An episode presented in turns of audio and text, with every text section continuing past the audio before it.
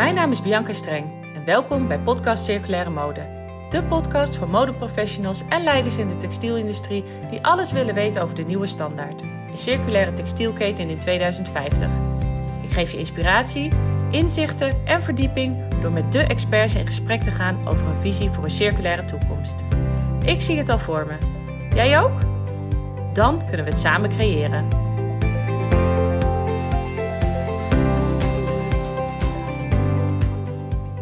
Vandaag spreek ik met Stijntje Jaspers. Stijntje werkt aan een schonere en rechtvaardige wereld door creativiteit te combineren met commercie en esthetiek met inhoud. Door haar jaren ervaring in de mode- en lifestylebranche heeft ze op een strategische wijze leren kijken naar de textielketen. Ze heeft een heldere visie ontwikkeld hoe onder andere circulaire designprocessen en regeneratieve landbouw onderdeel zouden moeten zijn van de textielketen. Welkom Stijntje! Ja, leuk Bianca, dankjewel. Nou, we hebben elkaar ontmoet in coronatijd, Ja. online. Laatst zijn we elkaar op een event eh, tegengekomen en eh superleuk dat ik nu eh, bij jou thuis aan tafel zit. Ehm, tijdens onze kennismaking kwamen we erachter dat wij heel veel raakvlakken hebben op het gebied van, van ons werk, want allebei hebben wij een achtergrond als designer. En ja, sinds een aantal jaren een hele sterke behoefte om de industrie waar we al jaren in werken te veranderen, zodat het ten goede komt van onze planeet, in plaats van dat we die eigenlijk alleen maar zieker maken. En ik ben heel benieuwd, heb jij een, eh, een rolmodel? Ik heb niet echt één rolmodel, maar ik heb wel een aantal films en boeken die ik heb gelezen en gezien. En ik blijf me ook nog steeds heel veel lezen, omdat ik het ontzettend interessant vind om te leren. Eh, want we weten het namelijk ook nog niet, hè? dus er komen steeds meer nieuwe inzichten. Maar een van de boeken die mij echt wel eh, heeft in, doen inzien dat het gaat ook over een echt een economische verandering, is The Donut Econ- Economy van Kate Rawford. Eh, verder de films The True Cost en River Blue zijn van die films die heel erg laten zien dat de industrie waarin je dus al jaren waarin ik al jaren werkte en jij ook, eh, echt laat zien van oh my god, het is echt heel erg wat we aan het doen zijn. Dus dat zijn heel erg films die mij die, het probleem nog een keer soort in mijn gezicht hebben gegooid. En eh, hoopvolle films zijn Kiss the Ground en The Biggest Little Farm omdat dat heel fijn is om te zien dat er dus ook gewoon oplossingen zijn en dat die niet eens heel ingewikkeld hoeven te zijn. En misschien heb ik toch wel een, een rolmodel en dat is Ray Anderson, de oprichter en directeur, hij is inmiddels overleden, van Interface. En Interface is een groot Amerikaans bedrijf van vloertegels, eh, internationaal en ehm, van oorsprong heel vervuilend met heel veel olie en synthetische garens en et cetera. En Ray Anderson was begin eh 90 jaar, dus volgens mij in 94, realiseerde hij zich dat hij in de toekomst wellicht gezien zou worden, hij en alle andere groot, ehm, grote internationale ondernemingen, multinationals, als crimineel. En hij zegt ook, eh, I am the plunderer of the earth. En hij zag in dat het anders moet. En wat ik daar heel inspirerend aan vind, is dat het gewoon een commercieel bedrijf is, aan de beurs genoteerd eh, dat het voor elkaar heeft gekregen om het hele bedrijf mee te krijgen en ook de, de supply chain, om het eh, minder vervuilend te doen en uiteindelijk ook nog CO2-positief. en als, eh, er is nu ook een, sinds september ehm, 2021, was het nog 100 maanden na 2030. En er is een eh, organisatie, wereldwijde organisatie ontstaan, dat heet de 100 Months to Change. We zitten inmiddels in maand 92, dus het gaat heel snel. Ook heel goed om je dat te realiseren, dat het dus zo snel gaat. Eh, wat door middel van het laten zien van deze film aan grote bedrijven, zoveel mogelijk professionals wil inspireren om ook deze stappen te zetten richting een duurzamere wereld. Eh, en ik, ik, ik help daaraan mee en ben ook als expert daaraan verbonden. Als een, eh, als, als een soort adviseur, moet ik dat zo zien? Ja, het Of- is meer een soort ambassador. Dus eerst waren we ambassadors en nu hebben ze ons experts genoemd. Ja, het is what's in a name. Ja. Maar eh, ja, en je, onder ook, ik heb dat nog niet kunnen doen, maar ook bijvoorbeeld een event te organiseren. Ik ben nog aan het kijken met wie ik dat samen zou kunnen doen. Eh, ja, dus de- ze zijn nu heel erg bezig bij banken en bij verzekeringen en bij wat grotere bedrijven. Er is nog niet zo heel veel in de mode gedaan, dus dat lijkt er zijn wel nog veel- Ja, kansen. daarom, zeker. Goed. En ehm, ja, je hebt al heel veel eh, mooie boeken en eh, films genoemd. Maar hoe zou jij jouw eigen missie omschrijven? Ja, nou, mijn eigen missie. Uh, ik heb sinds 92 werk ik in de, in de textiel- en mode-industrie als ontwerper en later heel, best wel heel lang als hoofddesign en conceptdesigner. Superleuke baan. Heel veel gereisd. Alleen maar bezig zijn met mooie dingen maken. Uh, hele leuke mensen ontmoet. Veel van de wereld gezien. Dus eigenlijk helemaal fantastisch. Maar op een gegeven moment ging ik natuurlijk wel inzien dat, het, dat dingen niet helemaal klopten. Ik bedoel, als je in Bangladesh komt of in India, in China, dan zie je dat het natuurlijk best wel oneerlijk is. Hè? Dat wij uh, heel weinig voor die kleding betalen en dat mensen daar heel onder ambar, am, erbarmelijke omstandigheden, excuse me, uh, moeten werken. En ook dat het uh, ja, super vervuilend is. Um, en, en de rampen van Rana Plaza in 2013 was ook een eye-opener. Niet zozeer dat die rampen gebeurden, eerlijk gezegd. Want als je die gebouwen ziet, dan verbaast het me dat het niet eerder is gebeurd. Maar vooral hoe uh, mensen in het bedrijfsleven in, in Nederland daarmee omgingen. Dat ik dacht, uh, hoezo, hoezo nemen we nu onze verantwoordelijkheid niet? En hoezo gaan we zeggen, het is niet mijn verantwoordelijkheid, et cetera. Dus dat was een eye-opener. Nou, en uiteindelijk uh, ben ik ook meer ingedoken door al die films. En toen realiseerde ik me ook dat mijn hele leven, want in 1972 is het boek uh, Limits to Growth uitgekocht uh, van de Club van Rome, een rapport. Toen was ik dus drie. Dus eigenlijk mijn hele leven weten we dit al. Ja. En eigenlijk, dus ik ben nu 53. Eh, we hebben dus 50 jaar lang er geen, nou, wel iets aan gedaan, maar echt niet genoeg. Heel minimaal. Heel minimaal. En alles wat in die, of veel wat in dat rapport staat, is ook uitgekomen. In 91 maakte Shell een film uh, Climate for Concern. Dus zelf, mensen van Shell hadden zelf een film gemaakt. Dat is toen naar wat scholen gegaan. Uh, ik was toen 22, net afgestudeerd en begon net met werken. Uh, en Shell heeft die film later teruggetrokken, maar daar, daar wordt ook in gezegd dat, dat het rapport Limits to Growth dus uit aan het komen was.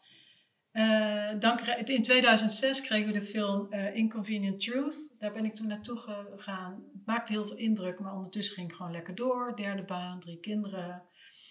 Nog meer rapporten en boeken. En dan duurt het dus best wel heel lang voordat dat ergens eindelijk een keertje doordringt.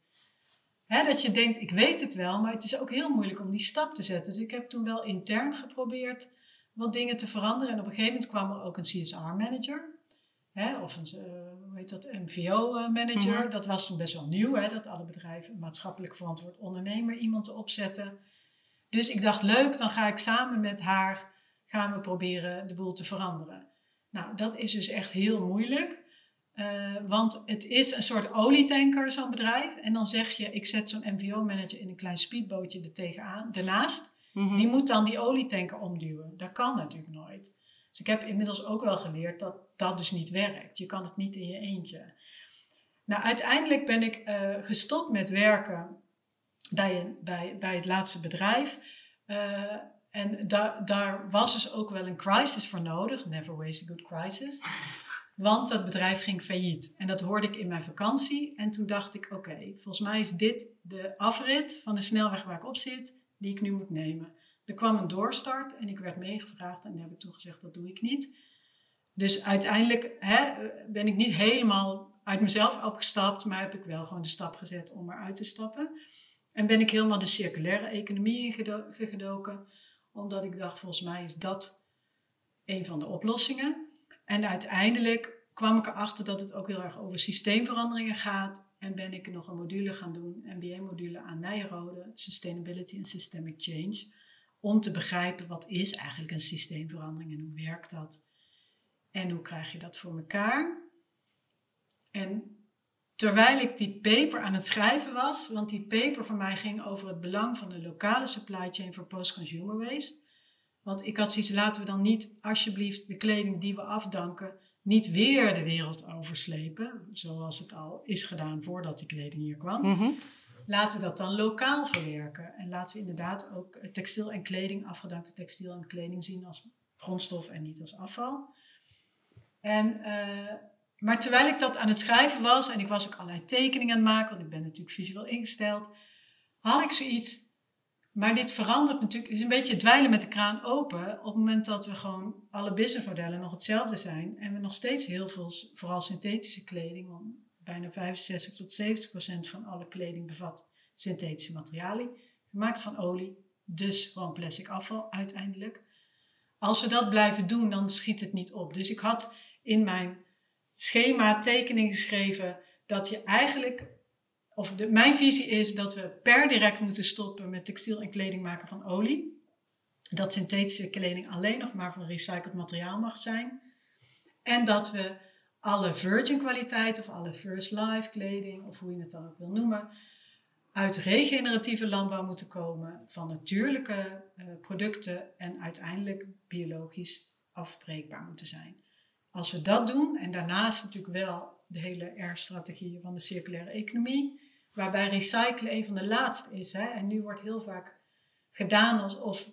Of het de oplossing is. Alsof circulaire economie recyclen is. Dat is natuurlijk niet zo. Maar goed, dat moeten we nog steeds inzetten. En ik denk dat we dan uh, iets gaan redden en dat is ook de reden, maar ik ga je zo een vraag over stellen waarom ik vaak ja.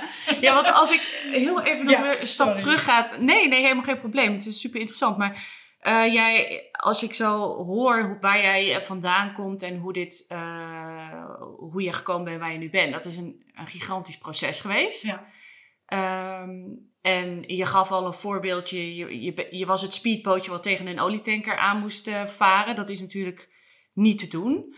Um, is dat ook niet een, juist een hele grote uitdaging met de maatschappij waar wij in, in leven?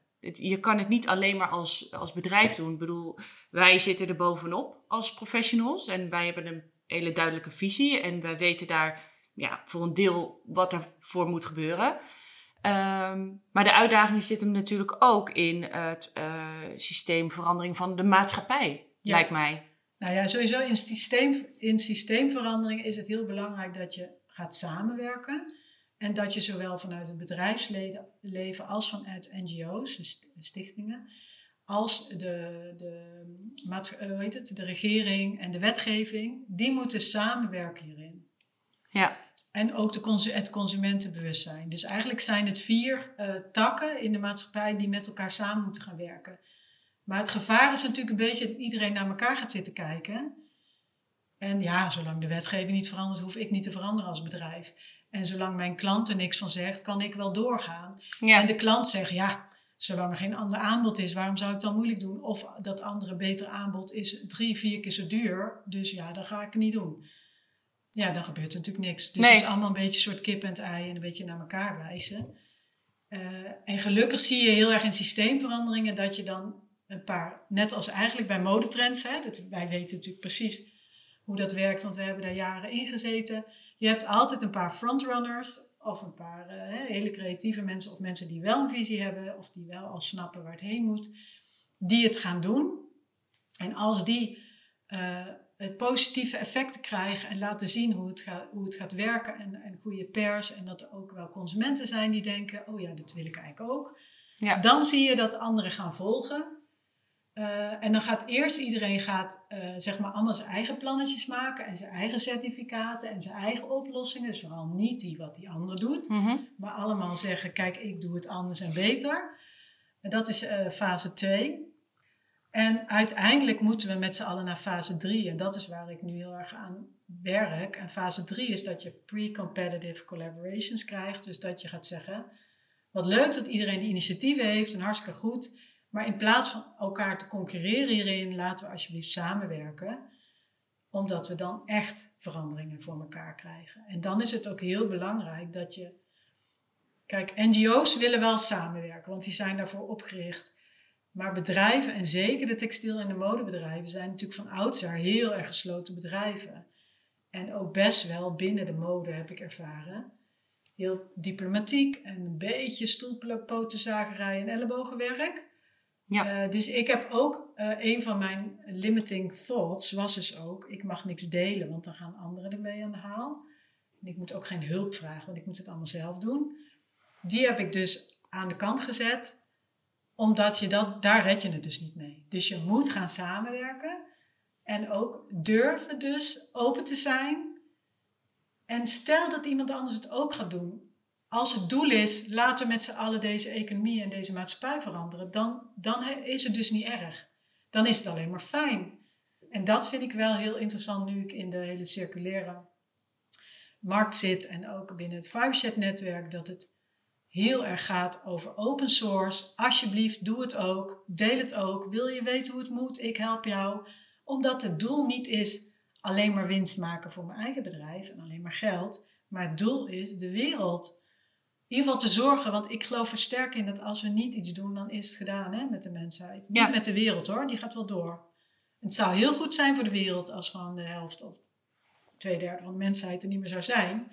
Daar ben ik niet voor, want wie dan? wel en wie dan niet. dus dat wil ik helemaal niet. Maar we moeten als mensheid wel echt gaan veranderen. En ja, dat ziet dus niet iedereen in. En, uh, en dat, dus zolang je dat hogere doel niet hebt, uh, is het denk ik heel moeilijk om die samenwerking aan te gaan. En misschien wat wel nog, want uh, ik ben helemaal niet heiliger dan de hij. Ik bedoel, ik heb echt mijn rot geconsumeerd hè, tijdens mijn werk. Ik bedoel, en ik heb echt zoveel gevlogen. En ik ging shoppen in New York en Parijs en Milaan enzovoort. Kocht ook altijd iets voor mezelf. Dus, uh, dus ik weet ook hoe, het, hoe dat is. En ik heb dat natuurlijk allemaal gedaan. Maar toen ik dus gestopt ben met werken, heb ik met mezelf afgesproken: ik mag niks nieuws meer kopen. En dat is inmiddels zes jaar geleden en ik heb niks nieuws meer gekocht ik moet eigenlijk nu echt nieuw ondergoed en een paar nieuwe schoenen. Maar koop je dan wel tweedehands bijvoorbeeld? Ja, maar ook heel weinig. Ja. Maar het, ik zeg altijd wel tegen mensen, het is niet helemaal eerlijk, want ik heb natuurlijk een enorme belachelijk grote kast van al die jaren. Mm en ik kan ook nog naaien en verstellen en dingetjes nieuw maken. Maar ik merk ook dat al, het is ook gewoon heel erg een hulp om een mindset change. Ik merk ook, ik ik ben inmiddels heel veel weg gaan doen uit mijn kast. Ik denk, ja, wat heb, waarom heb ik al die spullen? En dat heb je helemaal niet nodig. En ik denk dat corona ook best wel eraan heeft geholpen voor meer mensen. Omdat ja, je natuurlijk niet de deur uitging. Um, ja, ik denk dat corona ook echt wel een, teken is geweest voor, heel veel mensen. Van, ja, zoals wat we nu aan het doen zijn. Dat, ja, je ziet dat er iets misgaat. Ja. Over de hele wereld. Dus de, ja, en ook de afhankelijkheid hè, van de hele wereld. En dan ook, nog die boot in het Suezkanaal. En dat alle transportkosten zijn gestegen en de containers. En dan, eh, ja, weet je, ik, eh, ja, ik denk helemaal goed. Want dit, weet je, dit is gewoon goed. Want dit zijn crisissen. En het is goed als we hier iets mee doen. Als we hier niks mee doen en denken we moeten weer terug, dan is het heel erg jammer. Want ja, dit is, ook natuurlijk wat je al zei, een typisch gevalletje van never waste a good crisis. Precies, ja. Ja, en want jij gaf al aan uh, tijdens het schrijven van je paper van uh, eigenlijk moeten we geen uh, synthetische materialen meer gebruiken, want het is plastic afval. Um, da mede daarom ben jij Fibershed Nederland ja. gestart. Kan je daar iets over vertellen? Want ik denk niet dat iedereen al uh, weet wat het, precies, ja. wat het precies inhoudt en wat jullie precies doen. Ja, nou, Fibershed is in 2012 begonnen door, gestart door Rebecca Burgess in Californië. Die heeft een boek geschreven dat heet Fibershed. En dat zij had zoiets van, um, hoezo draag ik, uh, er groeit katoen in Californië en er grazen hier schapen. Waarom komt mijn wollen trui uh, uit, uh, uit Nieuw-Zeeland, de wol, en waarom draag ik katoen uit India? Waarom kan dat niet lokaler? Dus zij is eigenlijk gewoon een soort project begonnen om een jaar lang binnen een radius van, van volgens mij 200 mijl uh, te kijken, kan ik alle grondstoffen en ook de productie lokaal maken voor al mijn kleding en textiel, maar tot en met de bikinis, hè? echt alles. En wat ze heeft gedaan is de boeren koppelen aan de ambachtslieden, dus aan de craftsmensen. En uiteindelijk is dat uitgegroeid tot een grotere organisatie, waarin ze ook heel erg uh, zijn gaan werken aan CO2 uh, mitigation, dus CO2-opslag in de bodem en gewassen. En aan door regeneratieve landbouw. En uh, nog, ja, nog ook industrie eraan koppelen. Dus kunnen we dan voor merken ook zoiets maken. Dus het is heel kleinschalig begonnen, maar het is langzaam uitgegroeid. Maar dan hebben ze bijvoorbeeld ook de boeren meegenomen in die uitdaging. Ja. En samen met die boeren gekeken hoe kunnen we op jullie land CO2 opslaan? Ja. Oké, Ja. ja. Ja, dus ook echt uh, landbouwexperts daarin meegenomen. En eigenlijk is regeneratieve landbouw, ehm, misschien moet ik dat kort even uitleggen wat dat is. Dat Graag. is namelijk, want dit is dus niet iets nieuws, dat is hoe we eh, vroeger gewoon landbouw eh, eh, bedreven. En regeneratieve landbouw gaat er eigenlijk over dat je eh, verschillende gewassen, dus verschillende gewassen en dieren op je land laat. Dus niet alleen maar mais of alleen maar koeien of alleen maar varkens, maar juist dat door elkaar. En dat je dus ook op verschillende landen rotatiegewassen neerzet. Dus het ene seizoen, dat doen mensen nu ook al wel, hè, want aardappels kan niet twee jaar achter elkaar op hetzelfde land. Maar dan integreer je dat dus heel erg. En wat daarbij komt kijken is dat je geen pesticiden en insecticiden gebruikt. Dat je zuinig bent met water en dat je nooit en nooit, dat zie je ook heel erg in die film Kiss the Ground, je land helemaal omploegt en, en braak laat liggen. Want op het moment dat je dat doet, dan gaat de CO2 uit de bodem de lucht in. Want de CO2 is goed. We zijn allemaal gemaakt van CO2 of van koolstof. Koolstof is natuurlijk onder het is een bouw, bouwstof van alles wat leeft op aarde. Maar het moet niet in de lucht komen. Dus het moet vast blijven zitten in de grond. Dus als je zegt, bij regeneratief hebben ze dan cover crops, bepaalde gewassen die je tussen de uh, oogsten door uh, op het land laat groeien, dat het land altijd met een soort bodembedekkers is begroeid. Die zorgen dan ook weer dat de bodem gezond wordt, want op de nutritions en de dieren en de bacteriën zitten in de bovenste laag. Zodra je gaat ploegen, ga je dat stuk maken en waait het ook weg. Nou, dus het gaat over low tilling, dus weinig uh, ploegen en, met grote apparaten. Het gaat over rotaties, gewassen en dieren. Dus ook wel je je schapen juist laten grazen en daarna weer een gewassen op. En het gaat heel erg over geen pesticiden, geen insecticiden. Dus eigenlijk met de natuur samenwerken en de natuur laten werken voor jou in plaats van soort tegen de natuur. En dat het allemaal. Um, even terug naar Fibershed. Daar zijn allerlei. Uh, en zij heeft. En staat er dus heel erg ook voor. Laten we kijken naar bioregions, noemen zij dat. Dus laten we kijken naar regio's of landen of bepaalde gebieden. Wat is er en wat groeit daar wat je om kan zetten in textiel en kleding? Dus wat voor vezels zijn er in een land? En waar wij ook vanuit, uh, vanuit Nederland heel erg voor staan, en ook trouwens de hele uh, is op het moment dat we zeggen we, we moeten die synthetische materialen gaan uitfaseren, dan moeten we mee gaan stoppen. In ieder geval geen nieuwe meer maken, op zijn minst. Dat kan natuurlijk alleen maar als er genoeg alternatieven zijn. We kunnen niet met z'n allen alleen maar katoen gaan planten, want we weten ook dat katoen heel veel problemen heeft. En katoen is nu niet altijd een duurzaam gewas, omdat we het laten groeien op gebieden waar het niet hoort. Dus Fiberset gaat er ook om, laat katoen groeien in gebieden waar het hoort. Dus er zijn katoenen, gebieden waar katoen groeit met rain, rain-fed cotton. Dus dan is het niet een probleem dat het heel veel water kost, want het komt gewoon uit de lucht. Zeg je daar eigenlijk ook heel drastisch mee? het, eigenlijk zou je katoen niet meer moeten verbouwen in de hele warme landen waar weinig regent? Ja.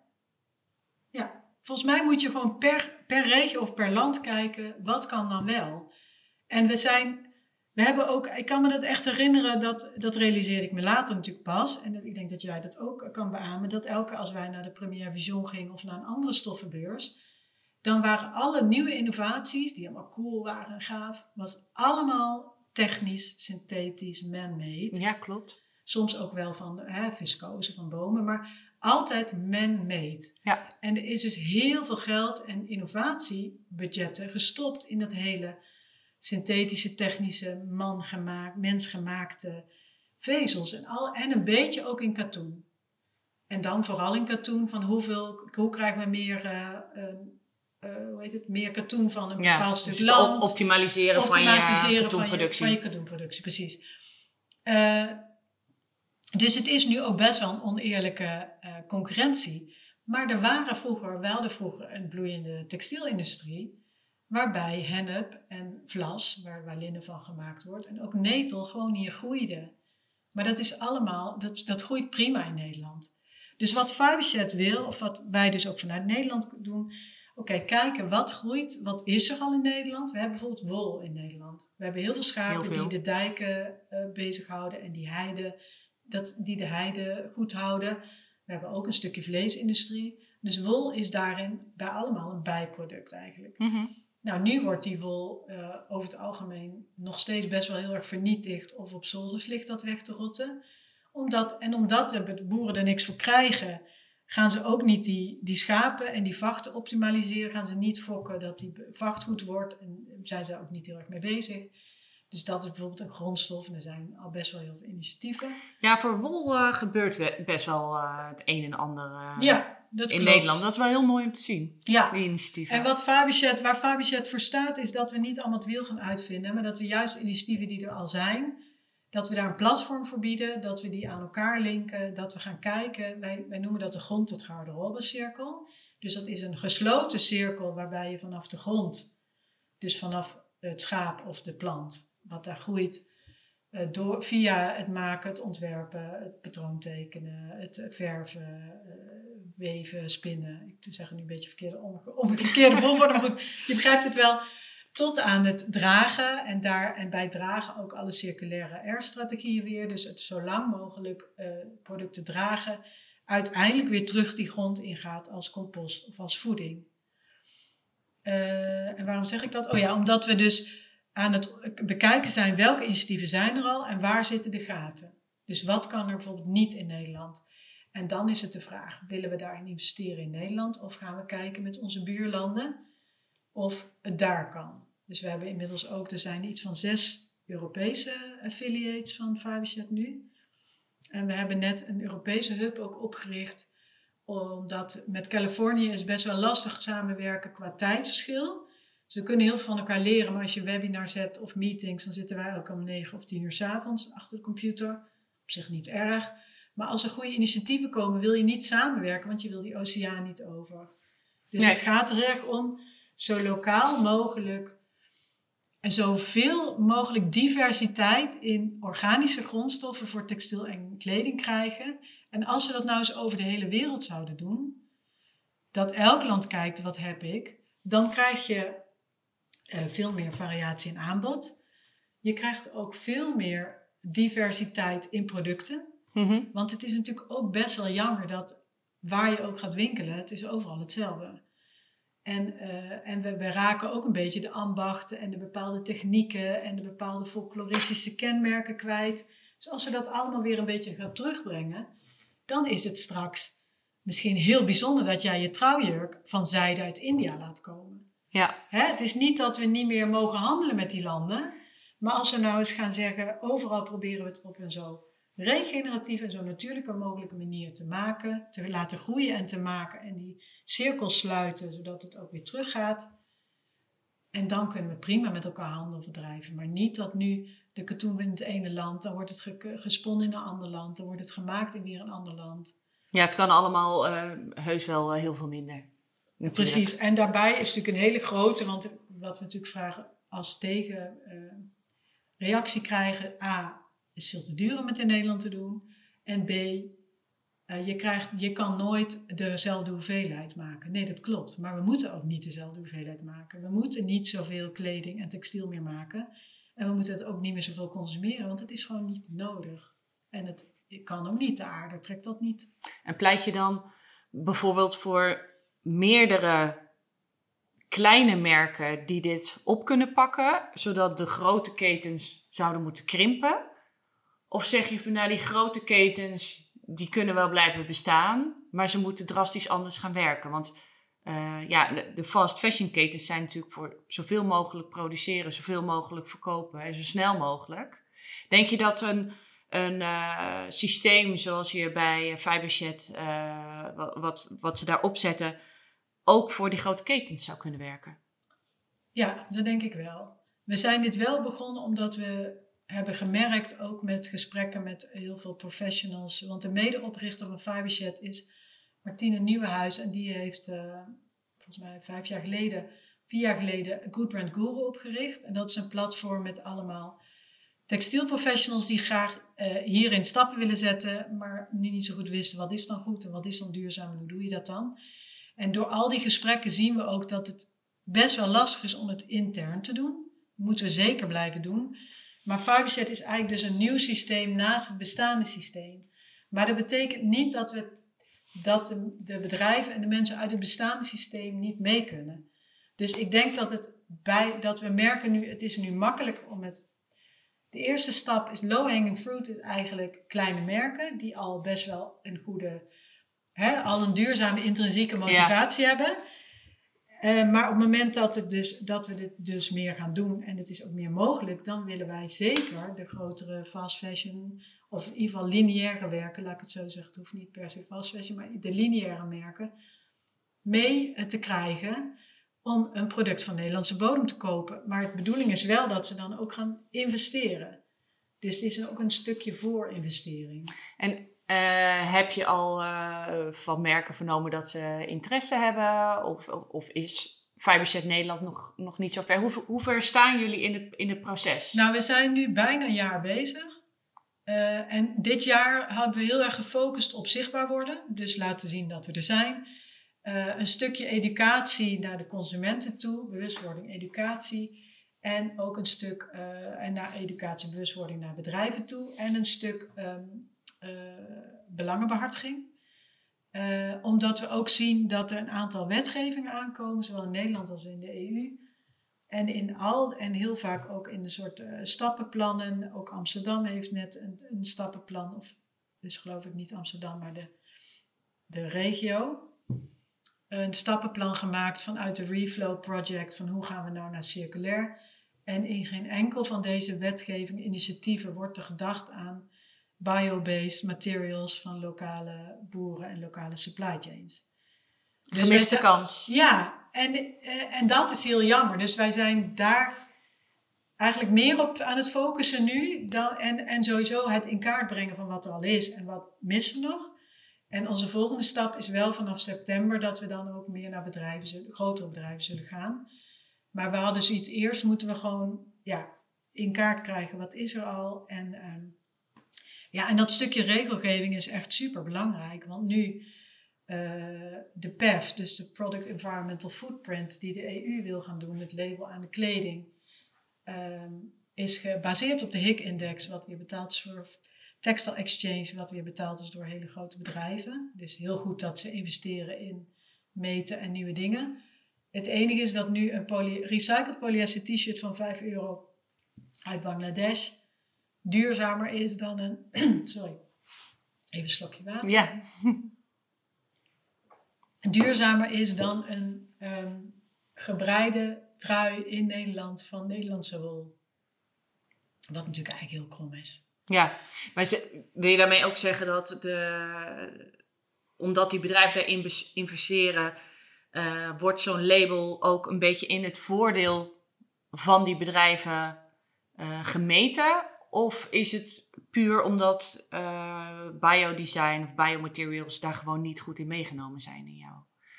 Nou, ik, weet, ik denk niet dat het bewust. Ik, ik weet zeker dat daar gewoon onafhankelijke wetenschappers zitten en dat dat echt wel uh, vanuit een goed idee is gaan, gemeten geworden. Uh, alleen ik denk dat ze nog een beetje zijn gaan meten hoe het nu is. Zonder de innovaties mee te nemen. Ja, van wat dat denk ik. Zonder verder te kijken naar. Uh, hoe kan het ook anders? Dus hè, we, we, hebben zoveel afval, 60% is polyester. Natuurlijk ga je dan kijken hoe moet ik polyester recyclen. Ja. Want dat is gewoon een groot. En ook dat het allemaal gemixte materialen zijn. Hoe gaan we dat recyclen? Dus ik snap heel goed dat je daarop focust. Uh, maar wat ze ook uh, niet hebben meegenomen is, ze hebben heel erg gekeken naar de grondstof en productie tot aan het verkoopmoment. Maar je moet het end-life verhaal meenemen. En dat is ook iets waar ik voor pleit, dat op het moment dat je gaat kijken naar uh, dit, zeg maar, dit, dit hele stuk vanaf dat je het koopt als consument. Wat gebeurt er als ik was? Hoe lang kan ik het dragen? Wat gebeurt ermee als ik het weggooi of als ik het niet meer nodig heb? Als je dat meeneemt, dan is die wol, dat schaap heeft misschien wel wat CO2 uitgestoten in het begin, maar wollen trui hoef je bijna niet te wassen. Kun je je hele leven mee, kun je zelfs vier, vijf generaties mee doen.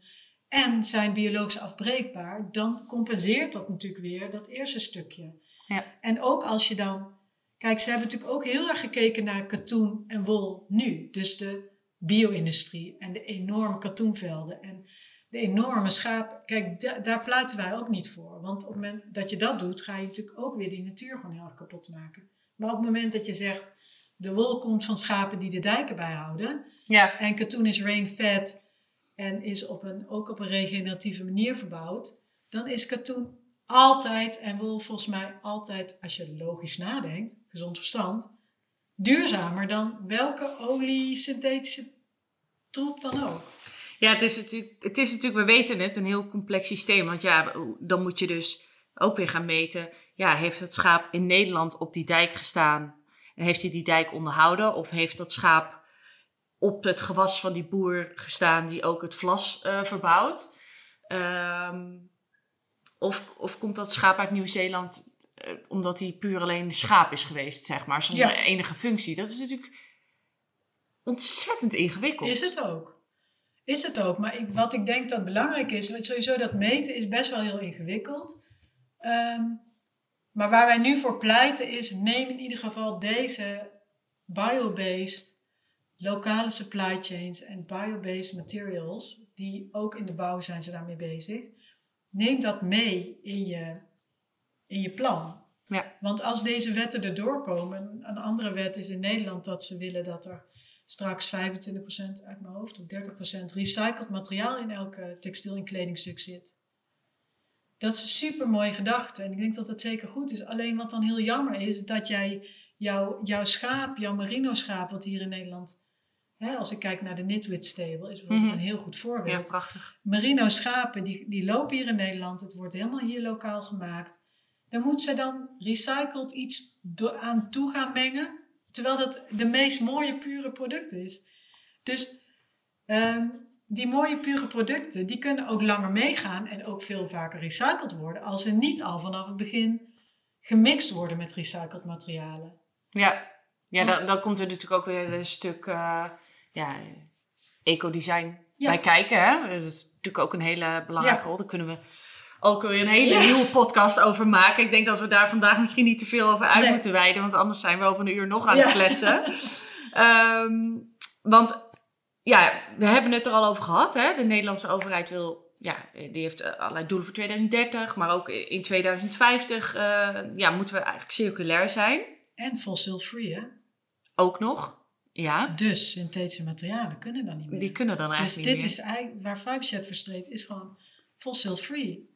Ja. En het staat wel in de Green Deal. Dus ja, Ben je al op de koffie geweest bij de minister? nee, nog niet. Maar we, zijn wel, we proberen wel verschillende mensen te inspireren. Oké, heel goed, heel goed.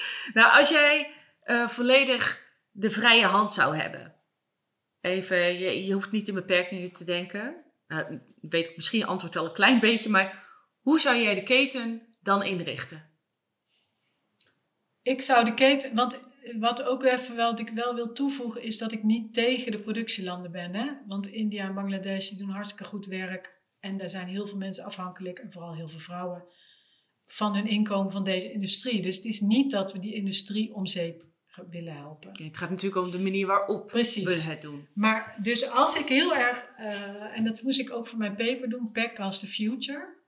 Dus als ik denk waar we naartoe moeten, in, waar het in 2030 zou moeten zijn, dan zouden we op de eerste plaats een true price moeten betalen van alle producten die nu van ver weg komen. Want dat doen we niet. Alle negatieve effecten zijn geëxternaliseerd. Dus alle negatieve effecten voor de natuur en voor de mensen. Mensen krijgen geen leefbaar loon, et cetera.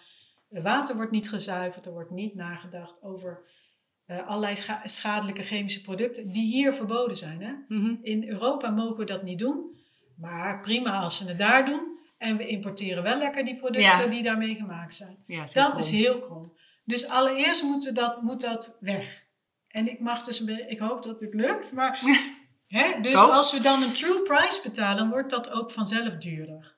Want nu is het ook best wel hele oneerlijke concurrentie. Hè? Want je, hoe kan je nou concurreren met een t-shirtje van Shine, Sheen, Shine, hoe we het dan Mhm. uitspreken. Die hebben nu billboards hangen. Het kost al geen drol. En die gaan nu 70% korting aanbieden.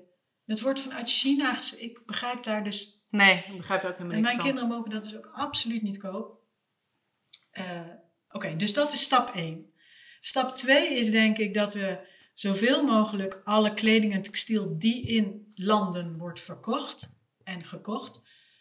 Uh, als mensen dan, uh, de tweede stap is dat mensen goed moeten nadenken: heb ik dit nodig? Wil ik, is dit nieuw? Moet ik dit nieuw kopen? Waar koop ik het? Waar komt het vandaan? Is het wel het juiste product? Dan zo lang mogelijk dragen en, en uh, de waarde van kleding weer in gaan zien. Dus dat is denk ik een hele belangrijke stap voor de consumenten, maar ook voor de bedrijven. Op het moment dat ik het design en ontwerp en produceer, is dit dan het juiste materiaal? Is het handig dat ik drie materialen in één kledingstuk doe? Moet het allemaal blend zijn? Moeten er 20 rits in, 25 borduurs, applicaties en, enzovoorts? Want dat maakt het allemaal moeilijker voor de end life. Ja. Dus dat, dat zijn denk ik hele belangrijke dingen. Uh, daarnaast, als, als we zeggen, alle kleding die wordt uiteindelijk dan na een lang leven ingezameld dat wordt natuurlijk geselecteerd. Wat kan tweedehands, wat kan nog geupcycled. En wat dan overblijft, dat we dat lokaal gaan recyclen tot nieuwe garens en nieuwe kleding. Dat helpt denk ik als daar de BTW afgaat. Dan maak je ook een iets eerlijker playing field, want die BTW is al betaald ooit. Dus dat zou een wetgevingsdingetje moeten zijn. En dan denk ik dat op het moment dat je naar een collectie kijkt of naar je kledingkast, dan zou ik zeggen, er moet een balans zitten tussen ja, we, bedoel, we, we hebben allemaal collecties opgebouwd. Collecties zijn opgebouwd uit basics, core en items, zo noemde ik dat. Of basics, uh, middelmaat of eyecatchers of mhm. whatever, hoe je het wil noemen. Dat je de basics, op zijn minst de basics, zorgt dat die uit de regeneratieve landbouw komen. Van organische materialen en hele goede kwaliteit. Want daar wil je heel lang mee doen. En die kunnen ook nog heel lang die keten in, want die zijn net nieuw. En dat je zegt, je eyecatchers die, daar ga je recycled materialen van maken. Of upcycled. Of dat je dingen aan elkaar stikt. Want je wil natuurlijk... Kijk, kleding is bescherming. Hè, dat hebben we nodig. We willen niet blootlopen. En we hebben in Nederland gewoon voor de zon en de regen en de kou... hebben we kleding nodig. Maar kleding is natuurlijk ook gewoon een vorm van identiteit. En je expressie, expressie um, uitdrukken. Mhm. En laten zien wie je bent. En dat je af en toe iets nieuws nodig hebt of een ander kleurtje. Dus ik denk dat dat prima is. Maar probeer dat dan zo te maken dat dat in ieder geval van hergebruikte materialen is. Of, wat ik een hele mooie initiatief is, Lena's Library. Ja. Ga het lenen, ga het tweedehands kopen, ga het swappen. Alles om die kleding maar zo lang mogelijk in leven in, in de hè, durability. Dus zo lang mogelijk in, in, in kans houden. En het zou natuurlijk gaaf zijn als elk kledingstuk dan een soort blockchain QR-code, chip, whatever heeft. Zodat je ook uh, kan zien waar, in welke cyclus het zit of welke levensfase het zit en waar het vandaan komt. Het zou natuurlijk helemaal gaaf zijn als je daar nog persoonlijke uh, verhalen aan zou kunnen toevoegen. Want ik denk het aller, allerbelangrijkste is dat we de waarde van kleding weer gaan inzien. Ja. En dat is ook iets, als we bij Fiberset zeggen, we proberen het zo lokaal mogelijk te produceren, dan kan je het ook zichtbaar maken aan mensen, aan consumenten, dat het een jaar duurt vanuit wol tot een uh, pullover. En dat een vlas groeit en dat dat heel veel stappen nodig heeft. Uh, en dan hoop ik dat je ook weer de, de waarde gaat inzien van zo'n product. Want nu is het natuurlijk gewoon een soort supermarktachtig product. Je koopt, uh, weet ik veel, drie t-shirtjes voor 15 euro. Kan je uitschelen. En je voor een vakantie en daarna flikker je weer weg. Ja, ja, ja. Ja, dus kortom, als je het helemaal opnieuw zou willen inrichten, is er nog gigantisch veel werk te doen natuurlijk. Ehm, wat zou jij uh, de mensen die luisteren en die werken aan deze duurzame transitie, wat zou je ze mee willen geven? Ehm, nou, ik denk wat belangrijk is, is dat je op het moment dat je, hè, want de doelgroep die luistert zit in de industrie, vooral. Ja. Uh, dat op het moment dat je gaat inkopen, produceren, ontwerpen of wat je dan ook doet, uh, denk ook, of misschien vooral eerst, na wat gebeurt er met die spullen nadat ik het verkocht heb. Want nu gaat het natuurlijk heel erg over Hè, dat weet ik ook natuurlijk uit, uit al mijn jarenlange ervaringen. Je bent heel erg bezig met totdat de klant het koopt. En waar we ook nu niet aan denken is, het moment dat we garen en stoffen kiezen, weten we wel waar het van gemaakt wordt. En we weten wel dat katoen van een plant komt en wol van een dier. En dat uh, polyester van olie wordt gemaakt. Maar die hele stap daarvoor, die hele landbouw, uh, landbouwcyclus en die mensen daar, die nemen we eigenlijk helemaal niet mee. Dus mijn, ik pleit eigenlijk voor, neem dat stuk mee in gedachten. En kijk ook in hoeverre je uh, landbouw kan ondersteunen daarin als bedrijf. En neem ook het stukje na consumenten mee. En er komt natuurlijk ook een UPV aan, uitgebreide eh, producentenverantwoordelijkheid. Dus we zijn ook straks verantwoordelijk hiervoor. Dus hoe, hoe beter dat later uh, reuse, rethink, reshare, et cetera, en uiteindelijk recycle, is hoe beter dat dus ook voor jezelf is. Maar daar moet je dus wel van tevoren over nadenken. Ja, nou, hartstikke. En dat maakt gewoon dat je andere keuzes gaat maken. Dat moet gewoon. Ja, ja, andere keuzes moeten we zeker weten maken. Ja. Nou, hier wil ik mee afsluiten, Stijntje. Ik wil je ontzettend eh, bedanken voor je tijd en uh, je inspiratie en je, en je mooie verhaal. Nou, graag gedaan. Bedankt voor het luisteren. Hopelijk heeft het je geïnspireerd of nieuwe inzichten gegeven. Benieuwd naar het verhaal van de volgende Gamechanger? Abonneer je dan op dit kanaal. Ook kan je me volgen op Instagram, Bianca Streng, of connecten via LinkedIn.